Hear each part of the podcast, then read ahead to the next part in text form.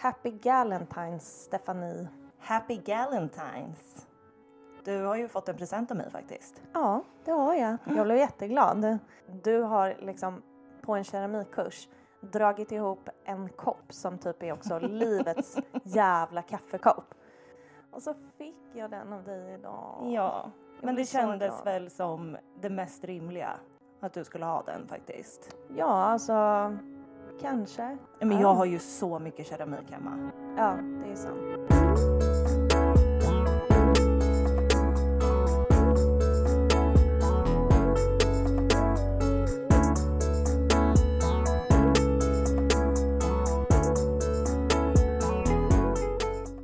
Hur är läget?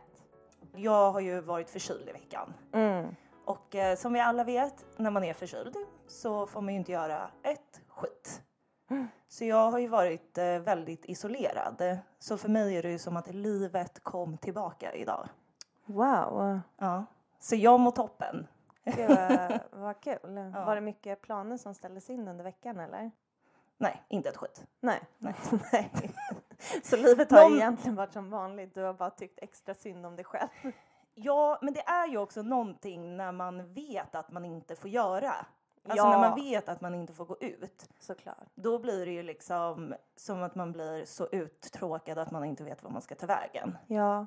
Och du får ju ingen sympati från oss i familjen heller. Nej. Det här var ju liksom både min och Lussans eh, grej. Eh, du är ju sån att du blir... Du blir för det första sjuk jätteofta. Ja. Och när du blir sjuk, då är du så sjuk. Ja. Alltså det är som att ingen har någonsin varit så förkyld som du, som du är när du är förkyld. Och det är som att, alltså jag kommer ihåg det eh, faktiskt under Lussans sjukdomsperiod. Eh, så var du och jag, en av gångerna du och jag var i Göteborg så hade vi tre bestämt att vi skulle ha så här en egen dag bara vi tre. Och eh, du vaknar upp eh, och är förkyld. Och Mm. eftersom att du var det så fick ju inte du träffa Lussan för att man kan inte utsätta henne för den risken. Och jag minns liksom när jag ringer till Lussan och berättar det här och hon bara Alltså jag blir så jävla irriterad. Åh, det är så jävla typiskt Steffi. Och det är ju så typiskt dig. Det är samma sak när jag, alltså när du berättade den här veckan att du hade blivit lite liksom snuvig. Mm. Så, ring, så pratade jag med pappa och berättade det här för honom och han bara Har Steffi nu den värsta förkylningen som någon någonsin har haft? Och jag bara antagligen. Ska han säga? Ja. Men det är liksom inga sympatier finns från den här familjen i förhållande till din. Anton var också sur över din förkylning faktiskt. Ja, men han blir också störigt sjuk. Ja. Så han får inte säga någonting. Nej men han är en man. Han har väl mancold Ja. när han är förkyld. Ja. Eh, jag, jag blir alltid sjuk vid fel tillfällen av någon anledning. Och den här gången i Göteborg, alltså det var ju på riktigt eh, ångestladdat. Ja jag vet. För att absolut, det var ju störigt där ett tag. Eh, men sen så blev ju jag jättesjuk med feber. Så jag var ju tvungen att åka hem från Göteborg utan att kunna säga hej då till Lussan. Ja, Och det var eh, skitjobbigt. ja men och där, där får du ju empati. Alltså vi är ju Ja, inte empati. nej, nej, nej, nej, nej. Ni tyckte synd om mig. Ja, vi är ju inte empatilösa personer på det sättet. Det är bara att du är en sån jävla drama queen av rang. Så Yes. att eh, när du är, men framförallt förkyld, alltså nej, det är svårt för mig att tycka synd om dig då. Det slutar ju med att jag blir irriterad på mig själv. Ja, gud vad hemskt. Ja. Men, ja, ja. Nu mår jag bättre i alla fall. Kul. Hur har din vecka varit? Alltså så här. Jag var ju sjukskriven en väldigt stor del av förra året. Och Eh, nu har jag börjat jobba 75% igen. Jag mår verkligen bättre än vad jag har gjort på väldigt länge. Men det man ska komma ihåg när man som jag har varit sjukskriven för depression och utmattning och ångest och sådär. Det är att när livet kommer tillbaka mer och mer steg för steg då behöver man också väldigt mycket mer återhämtning då när jag börjar jobba 75% så blir det en svår omställning för mig för jag räknar inte med att jag ska bli så trött på typ kvällar och helger. Nej. Det är en tråkig, eh, jag vet inte, påminnelse om att man är sjuk liksom. Mm. Psykiskt sjuk som jag är. Ja. Men annars så eh, har jag ju fått hem ett par Pandemic Pradas. Har du fått dem nu? Ja. Ja, för en stund sedan så beställde jag ett par boots i mocka och de är typ eh, blå, silver och ormskinn, grön ormskinn. Otroligt. Men jag provade dem och bara vilka toppenbra pandemiskor det här är. Nej, man har ju inte haft klackar på sig eller på så länge. Nej men alltså du fattar inte, det här är typ en Barbie-sko, alltså om du tänker i klack... Eh, Okej, så typ omöjlig. Nej, du får bara lära dig. Jag kommer inte walk a mile in these shoes om man säger så.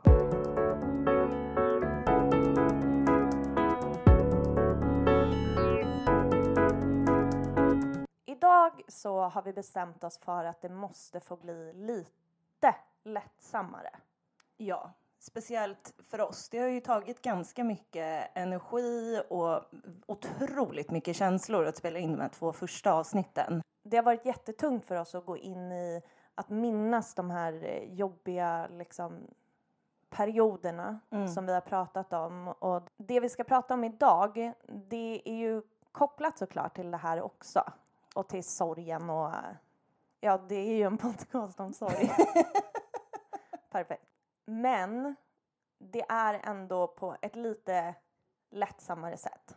För att vi som sörjer vet ju hur viktigt det är att också få skratta åt konstiga saker som man är med om. Man går ju under om det är allvarligt hela, hela tiden. Det vi har pratat om det är att ibland så känns det som att man måste ta kanske ansvar för massa olika saker i förhållande till sin omgivning när man går igenom en sån här stor sorg. Mm. Ja, det blir ju fokus på alla andras känslor istället för sin egen sorg. Konstigt nog så blir det ju det. Och det hänger nog ihop med att, ja men återigen, det som vi kommer tillbaka till hela tiden. Vi är inte bra på att möta varandra och våga finnas för varandra i det som är jobbigt. Eh, och det där känner man ju av och förhåller sig till även när man är som mest ledsen. Så vi tänkte underlätta för alla oss som går igenom sorg och som sörjer. Ja.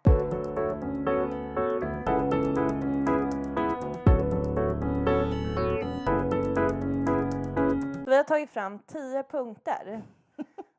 Do's and don'ts för en sorgsen. Punkt nummer ett. Skämta absolut inte om din sorg. Nej, nej, nej, nej, nej, nej, nej. Din omgivning blir så obekväm att de inte vet var de ska ta vägen.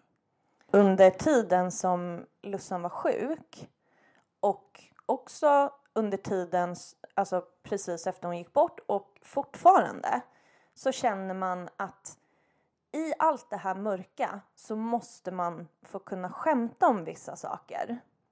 Lussan var ju väldigt bra på det när hon var sjuk liksom. Jag kommer ihåg när hon hade rakat av sig håret. Och det i sig var ju jättehemskt och jättejobbigt. Men hon hanterar liksom det med att typ skicka snapchat och bara Jag ser ut som toker. Också så här när hon, när det var påsk. Nej, men alltså. När det var påsk och eh, ja men hon hade ju inget hår liksom. Och hon var ju väldigt sjuk då.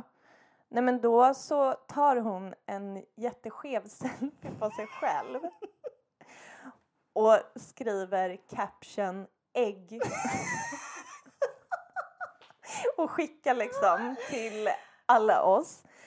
När jag återberättar det här för en utomstående, alltså för, det är inte, folk skrattar inte. Nej, jag vet. Jag har också berättat den här historien för andra. Ja. Eh, visat bilderna till och med och bara kolla vad roligt. Mm. Nej. Nej, nej, nej. Man får jättekonstiga reaktioner.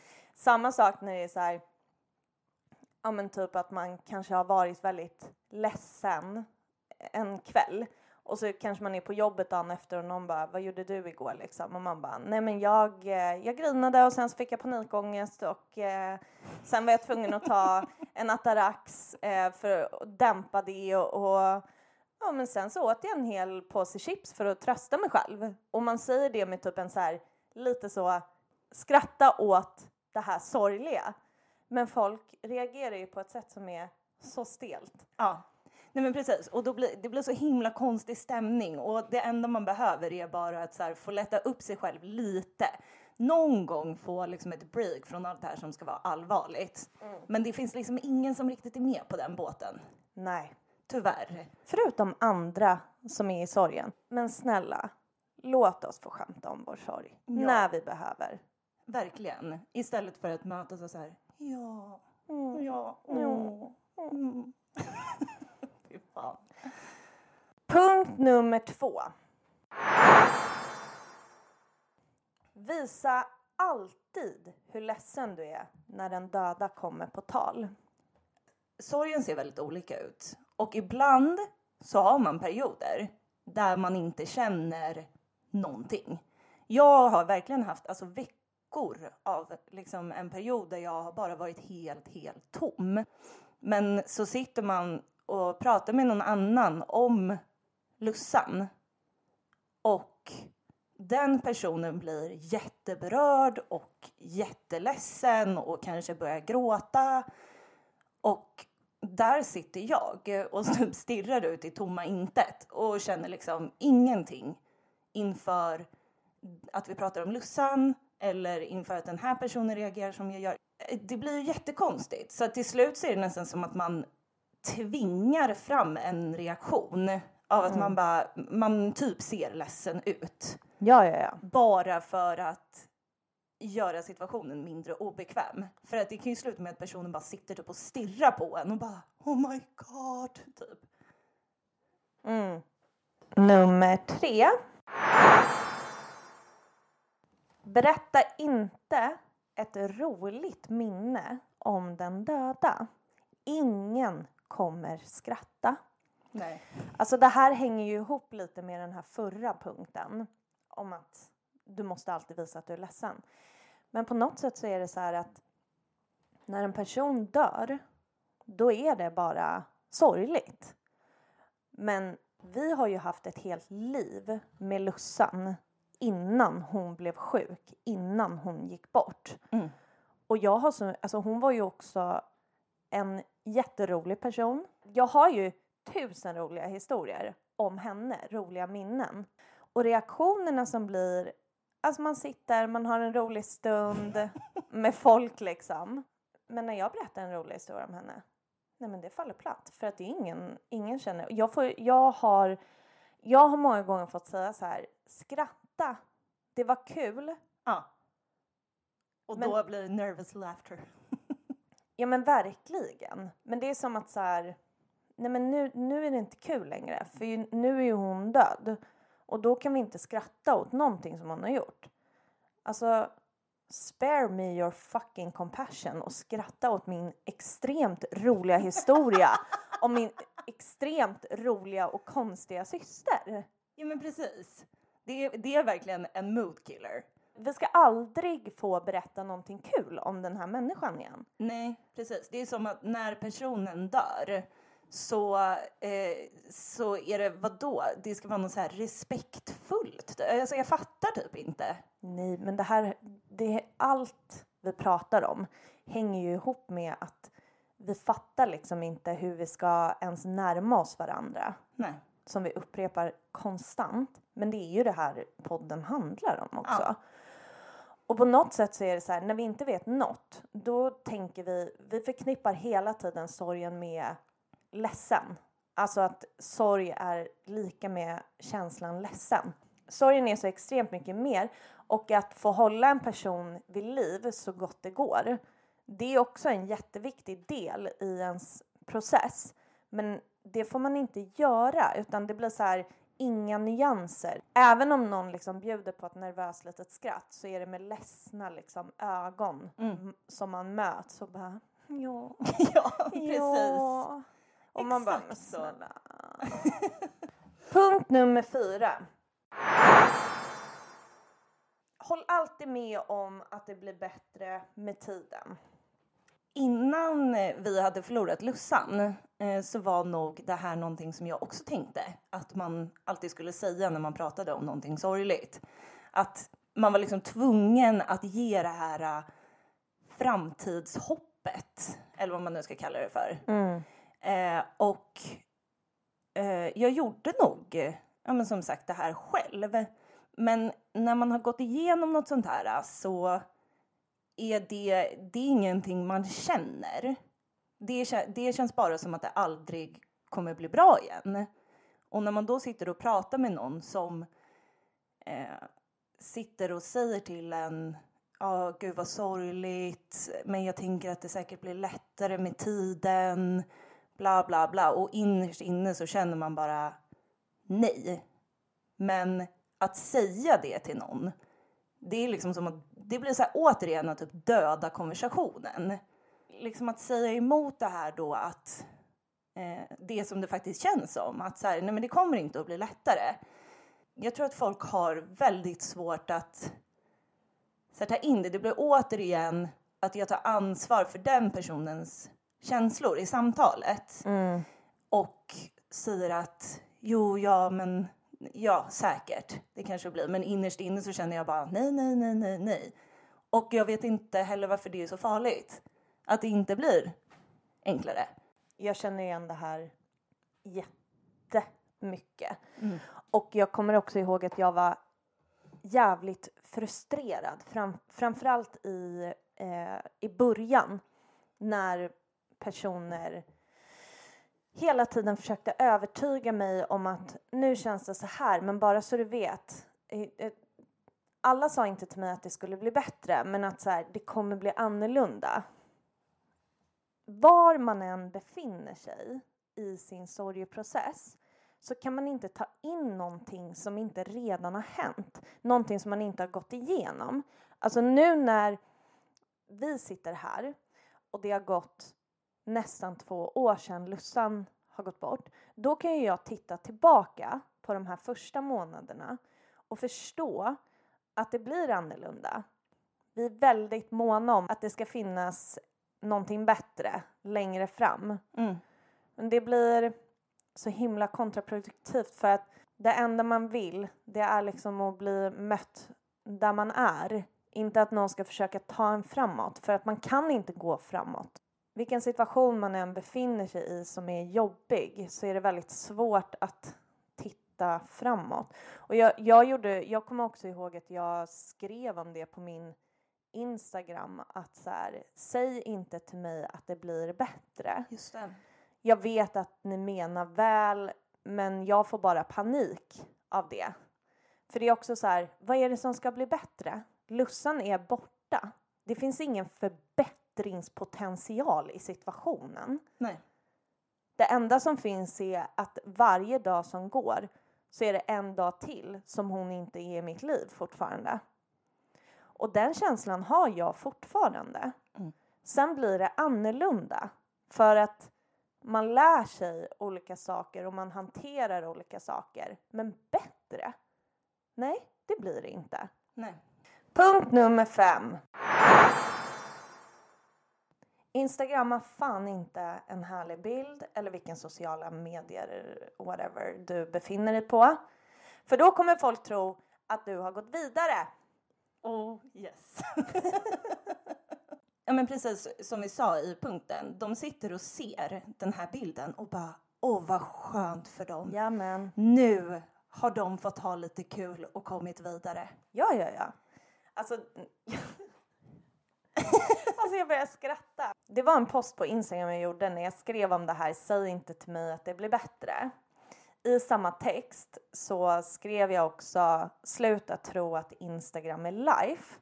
Jag är typ bara out here, out here för att eh, överleva. Folk är så desperata över att inte veta hur de ska göra när man är så ledsen att så fort de ser någon liten uns av att titta nu, Mm. nu firade de midsommar.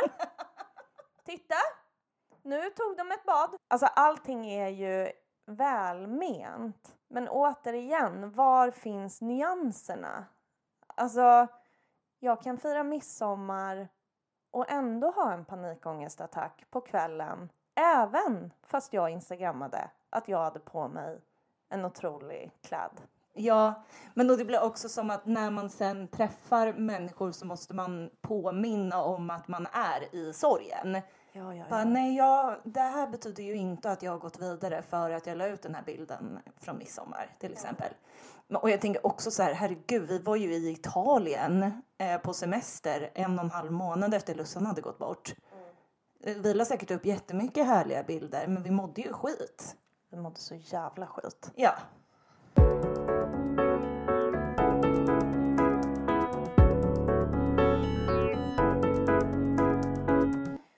Nummer 6. Glöm inte att vara extremt tacksam till varje person som beklagar sorgen. Deras känslor är absolut viktigast. Jag upplevde speciellt det här uh, i början för att då var det, kom det från så himla många olika håll. Um, att folk skulle beklaga sorgen och det, det stannar liksom oftast inte heller där utan man vill gärna berätta något minne kanske eller eh, berätta hur härlig Lussan var och hur fina vi var som systrar eller vad som helst. Och ta emot det från så många, det tar otroligt mycket eh, energi. Speciellt så här i början när jag ibland kunde känna så här, vet du vad, jag orkar inte, jag orkar inte höra. Säg bara att du beklagar och gå vidare. Ja men det känns som att framförallt där i början när det blev så himla mycket så var det som att när folk sa till en att de var väldigt ledsna för en skull så var det som att det fanns någon förväntning om att man skulle inte bara säga tack utan man skulle också berätta någonting om hur det kändes. Exakt. Och det var ju jättejobbigt. Och precis som du säger också att många ville liksom väva in någonting de själva kanske hade varit med om. Och jag är splittrad i det här för att det är ju väldigt fint, tycker jag också, när folk vill dela med sig av någonting jobbigt och att så här, du är inte ensam om att ha gått igenom det här. Självklart så ska vi vara ledsna för varandra och vi ska säga det till varandra. Det måste bara få vara okej att inte alltid bli otroligt tacksam och otroligt berörd och otro... Alltså så här, det, det måste vara okej att bara säga ja, hej då. Punkt nummer sju. Om någon verkligen frågar hur du mår och du säger att det är fan dåligt. Glöm inte att säga någonting bra också. För annars så blir det så obekvämt. Och det här går ju liksom återigen tillbaka till det här att man måste se något ljus i tunneln hela tiden. Sak, alltså så här, saker kan inte bara få vara lite crap ibland. Det, det är liksom, man, vi är livrädda för det. Jag har liksom inte varit så rädd för att säga att allting är dåligt. Och jag har inte känt behovet av att så här kasta in någonting. Men jag märker att när jag inte slänger in någonting som ska bli bättre, då är det som att personen som jag pratar med gör det åt mig. Man har sovit dåligt, man har haft ångest, man har varit jätteledsen och så vidare. Och så är det det jag säger om mitt mående. Då är det som att ja men det är fredag imorgon i alla fall så då kanske du får, då kanske du får vila lite eller alltså så här Ja. i massa olika sammanhang så att ibland så har man typ känt sig som tvingad då att slänga in den där lilla positiva grejen själv för att inte någon typ ska göra det åt en. Och det kan kännas så himla frustrerande tycker jag för att varför måste alltid något vara bra? Mm. Jag är jätteglad de dagar som någonting är bra. Mm. Alltså herregud, hela 2019 för oss, det var att Lussan blev sjuk och gick bort. Hela 2020, det har varit corona. Mm. Och vår sorg. Och tusen andra grejer i världen och i livet liksom.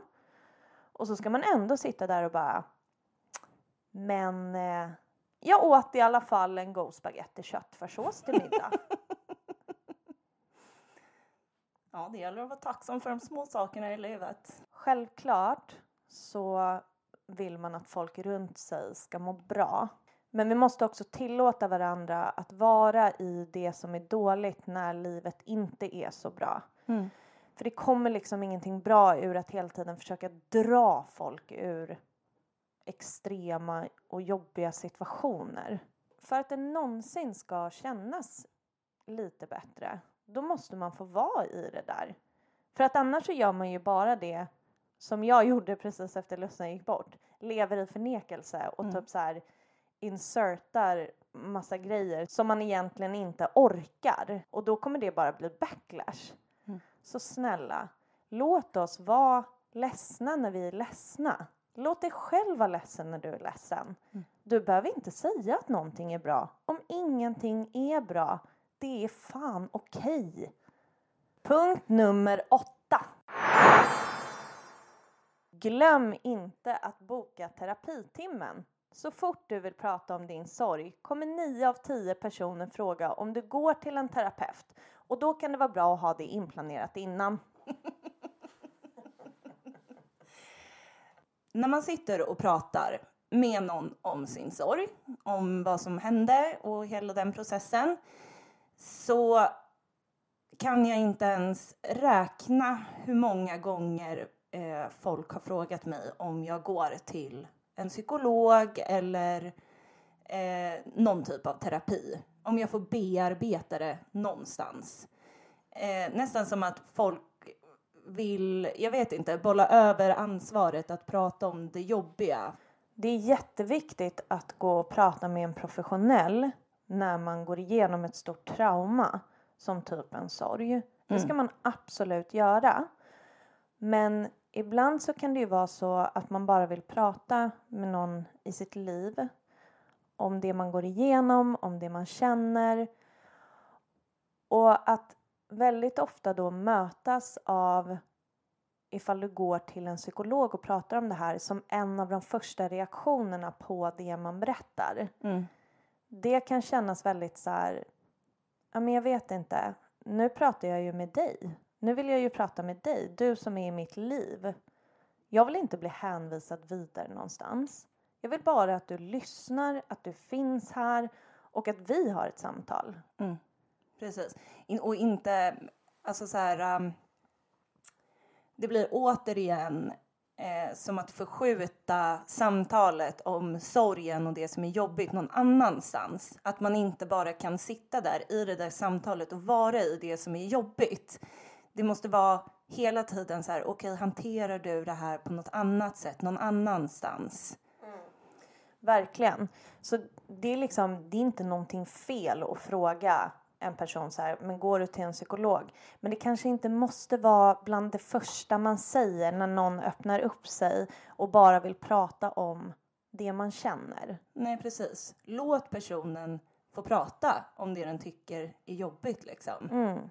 Oavsett så kan det ju vara lite skönt att ha den där terapitimmen inbokad eftersom att du kommer fortsätta få den där frågan tusen gånger. Så istället för att dra någon jobbig jävla förklaring så kan du bara säga ja, nästa tid 21 mars. Ja, perfekt. Jätteskönt. Ja, verkligen. Plus 100% gå i terapi.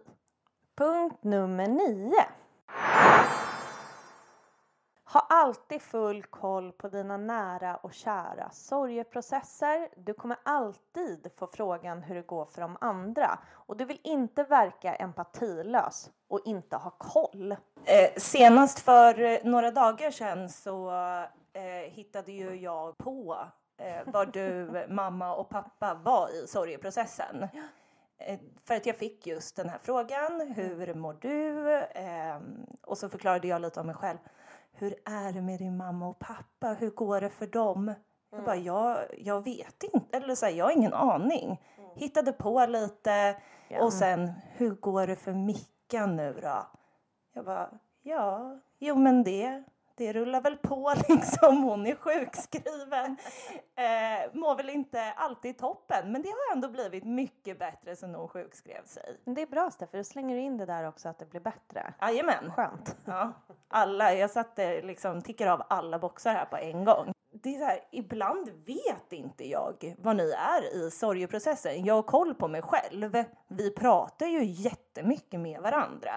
Men alltså, jag vet inte alltid vad ni känner och tycker. Det är inget konstigt att man ställer frågor. Jag tycker att det är en fin fråga att ställa liksom.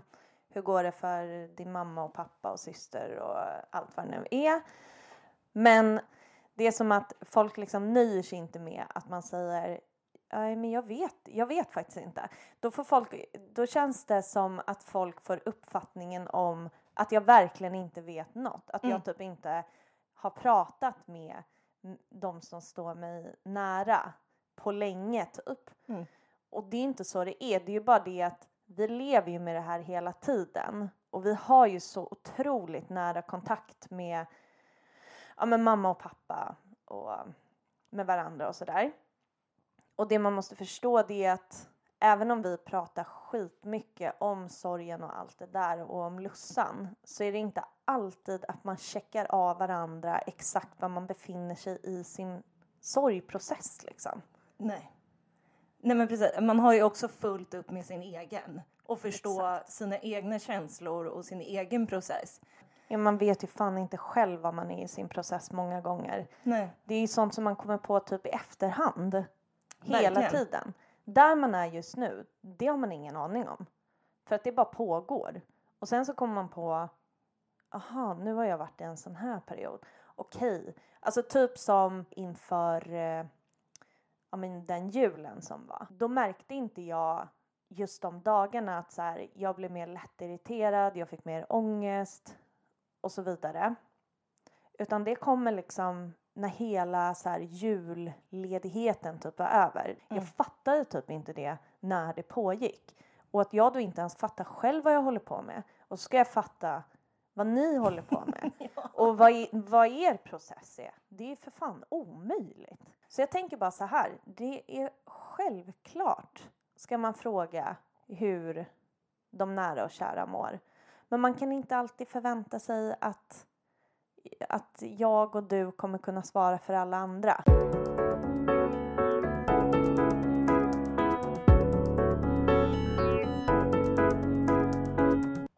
Nummer 10. Glöm inte att påminna folk om din sorgeprocess. Man fattar ju att de som inte är i vår process går och tänker på vår process hela jävla tiden. Men det är spännande. Jag vet inte om spännande är rätt ord. Eller om det är... Det är deppigt att eh, vi är så jävla självupptagna att vi typ glömmer vår omgivning och att vår omgivning kanske går igenom så här jobbiga grejer. Jag kan bli chockad ibland när jag säger att jag mår dåligt eller är ledsen och typ får frågan så här Varför då? Jag vet inte riktigt vad jag ska säga mer än att jag tycker det är fruktansvärt deppigt att vi är så dåliga på att så komma ihåg varandra. Och här ska jag väl liksom inte kasta sten i glashus heller. För att om det är någonting som händer när man själv går igenom en sån här grej så är det att man blir väldigt ändå upptagen av det. Alltså för att det blir hela ens liv. Mm. Så jag har säkert gjort det här. Nej, jag, nej, nu tar jag fan tillbaka. För att jag är fan bra på att hålla koll på eh, människor även fast jag själv går igenom någonting. Verkligen. Så jag tycker inte att det är en omöjlig eh, jag tycker inte att det är en omöjlig vision att ha, att vi kan bli bättre på att tänka på varandra. Nej, men och sen så är det väl kanske att när man, när man själv har gått igenom något sånt här så kanske man också är bättre på att komma ihåg att fråga folk. Jag tycker alltid jag har varit bra på det. Ja, du har alltid varit bra på det. Jag, kan, jag vet inte riktigt med mig själv om jag alltid har varit så bra på det. Men jag upplever i alla fall att jag har blivit mycket bättre. Ja, men det känns som att det här typ bottnar i någon form av så här att allting måste ha en början och ett slut. Att sorg också är någonting som börjar när man förlorar någon och sen tar slut när det har gått en tid. Men så funkar det ju inte. Det här är ju någonting som ständigt pågår och som är så närvarande. Och det är väl därför också som folk typ glömmer runt den att så här, okej, okay, det har gått nästan två år. Men det betyder inte att jag mår bra nu. Det betyder inte att allt är bra nu. Det betyder bara att jag är någon annanstans i min process. Gud vad vi säger emot varandra hela tiden. För så här förra punkten, man bara förvänta er inte att jag ska kunna svara på vad jag är i min process eller vad någon annan är i sin process. Och nu bara glöm inte att fråga varandra om, om processen. Nej, men eh, alltså handlar det inte lite också om att så här när man eh, kanske inte eh, klarar av att göra en uppgift eller klarar av att gå på eh, en middag eller vad som helst. Att det är i sådana situationer som man liksom måste påminna andra om att så här, men jag är i den här processen. Jag har inte energin till att göra det här just nu. Jo, det är just i de situationerna som, som det känns som att man måste påminna om att jag är fortfarande ledsen. Det här är fortfarande jobbigt för mig. Jag klarar fortfarande inte allt vad det nu kan vara. Mm. Och ibland kan det nästan kännas som att man måste bevisa att man fortfarande är ledsen. Lätt är det inte att vara i sorg. Det är en sak som är säker. Men lättare ska det fan bli att finnas för varandra i de här jobbiga situationerna. Det kan inte vara att vi är så här jävla dåliga på att, att, att vara i det här. Vi kände att vi var tvungna att liksom lätta upp stämningen i alla fall i ett avsnitt. Och de här rubrik, alltså de här punkterna som vi har gått igenom.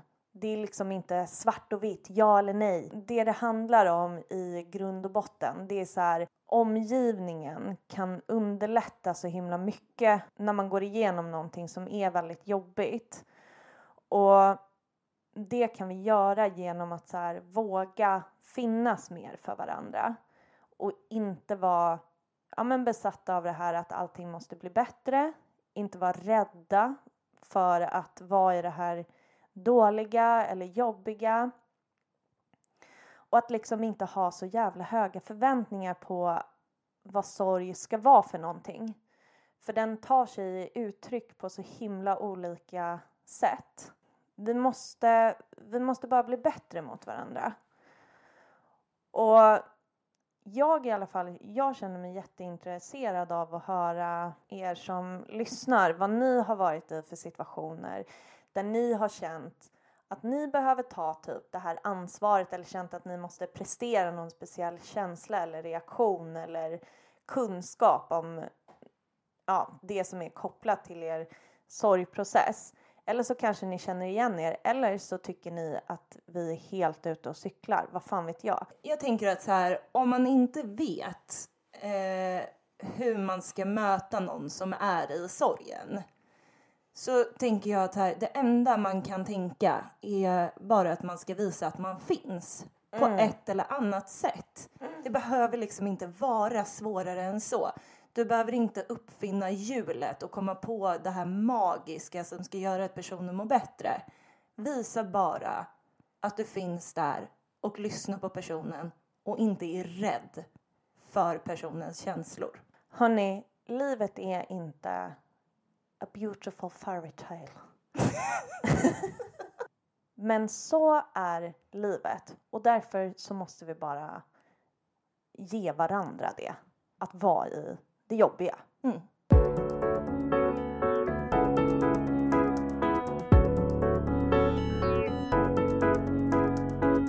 Vi finns på Instagram. Där heter vi Vem vill prata med en sorgsen? Vi blir så himla glada när ni skriver till oss. Eller glada blir vi inte för ni skriver ju ofta väldigt hemska saker. Men ni fattar vad vi menar tror jag. Vi blir tacksamma över att ni känner att ni vill dela med er Ja. till oss. Tipsa om podden till folk ni känner, dela på Instagram. Vi finns också på vem vill prata med en sorgsen at gmail.com om du hellre vill mejla oss. Hör av er, dela podden, lyssna, prenumerera. Nu finns det bara en sak kvar att göra, Steffi. Yes. Och det är ju självklart skål för Lussan. Skål för Lussan!